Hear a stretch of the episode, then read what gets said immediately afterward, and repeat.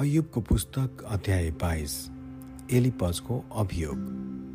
तब एलिपज तेमानीले जवाफ दिए के मानिस परमेश्वरको लागि केही लाभको हुन्छ र? के कुनै बुद्धिमानी मानिस पनि उहाँको निम्ति लाभको हुन सक्छ र? यदि तपाईँ धर्मी हुनुभए पनि सर्वशक्तिमानलाई यसले के आनन्द दिन्छ र? तपाईँका मार्गहरू निर्दोष भए तापनि त्यसले उहाँलाई के लाभ हुन्छ र? के तपाईँको धार्मिकताको लागि उहाँ तपाईँलाई हप्काउनुहुन्छ र तपाईँको विरुद्ध दोष लाउनुहुन्छ? के तपाईँको दुष्टता ठुलो छैन?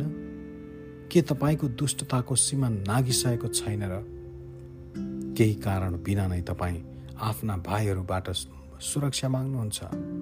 तपाईँ मानिसहरूका लुगा खोसेर तिनीहरूलाई नाङ्गो पार्नुहुन्छ। थाकेको मानिसलाई तपाईँले पानी दिनु भएन र भोकाएको मानिसलाई तपाईँ भोजन दिनलाई इन्कार गर्नुहुन्छ।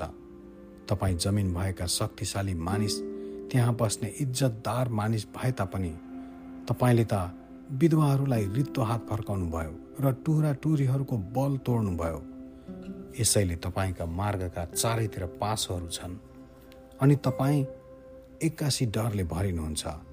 यसैले धेरै निष्कट अध्यारो भएको छ। र तपाईँ देख्न सक्नुहुन्छ। र भलको पानीले तपाईँलाई डुबाएको छ। निश्चय नै परमेश्वर त आकाशको शिरबिन्दुमा हुनुहुन्छ र सबै सर्वोच्च ताराहरू कति महान छन् भनी देख्नुहुन्छ। तर तपाईँ भन्नुहुन्छ परमेश्वर के जान्नुहुन्छ र? उहाँले यस्तो अध्यारोबाट न्याय गर्नुहुन्छ? आकाश मण्डलमा उहाँ यताउता हिँड्नुहुँदा उहाँको आँखाले बादलहरूको पर्दालाई छिल्न सक्दैन। दुष्ट मानिसको पुरानो चालमा के तपाईँ हिँड्नुहुन्छ? तिनीहरू आफ्नो समय अघि नै हटाइए। भलले तिनीहरूका जग नै बगाएर लग्यो। ती मानिसहरूले परमेश्वरलाई भने हामीलाई छोडिदिनुहोस्। सर्वशक्तिमानले हामीलाई के गर्न सक्नुहुन्छ? तापनि उहाँले तिनीहरूका घरहरू असल असल थोकहरूले भरिदिनु भएको थियो। यसर्थ म दुष्टको सल्लाहदेखि अलग बस्छु। तिनीहरूका कुर्दिन देखेर धर्मीहरू आनन्दले मग्न हुनेछन्। निर्दोषहरू तिनीहरूको ठट्टा गरेर यसो भन्दै हाँस्छन् निश्चय हाम्रा शत्रुहरू नाश पारिए र तिनीहरूका धन दौलत आगोले भस्म हुन्छ अब परमेश्वरका अधीनमा हुनुहोस् र उहाँसित मिलाप गर्नुहोस्।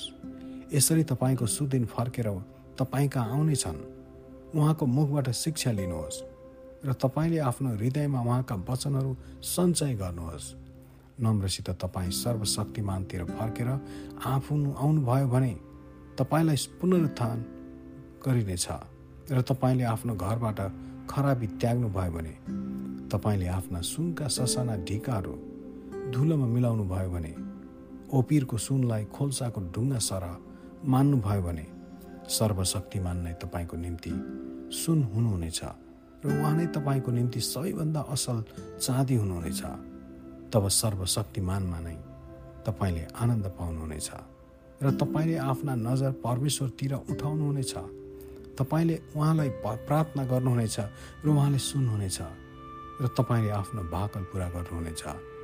तपाईँले जे निर्णय गर्नुहुनेछ त्यो पुरा हुनेछ। तपाईँको बाटोमा ज्योति चम्कनेछ। जब मानिसहरू होच्याइन्छन् तपाईँले भन्नुहुनेछ यिनीहरूलाई उचाल्नुहोस्। र उहाँले होच्याएकालाई बचाउनुहुनेछ। उहाँले निर्दोष नभएकालाई पनि छुटाउनुहुनेछ। तपाईँको हात निर्दोष भएकाले गर्दा उहाँले उनीहरूलाई छुटकारा दिनुहुनेछ। आमेन।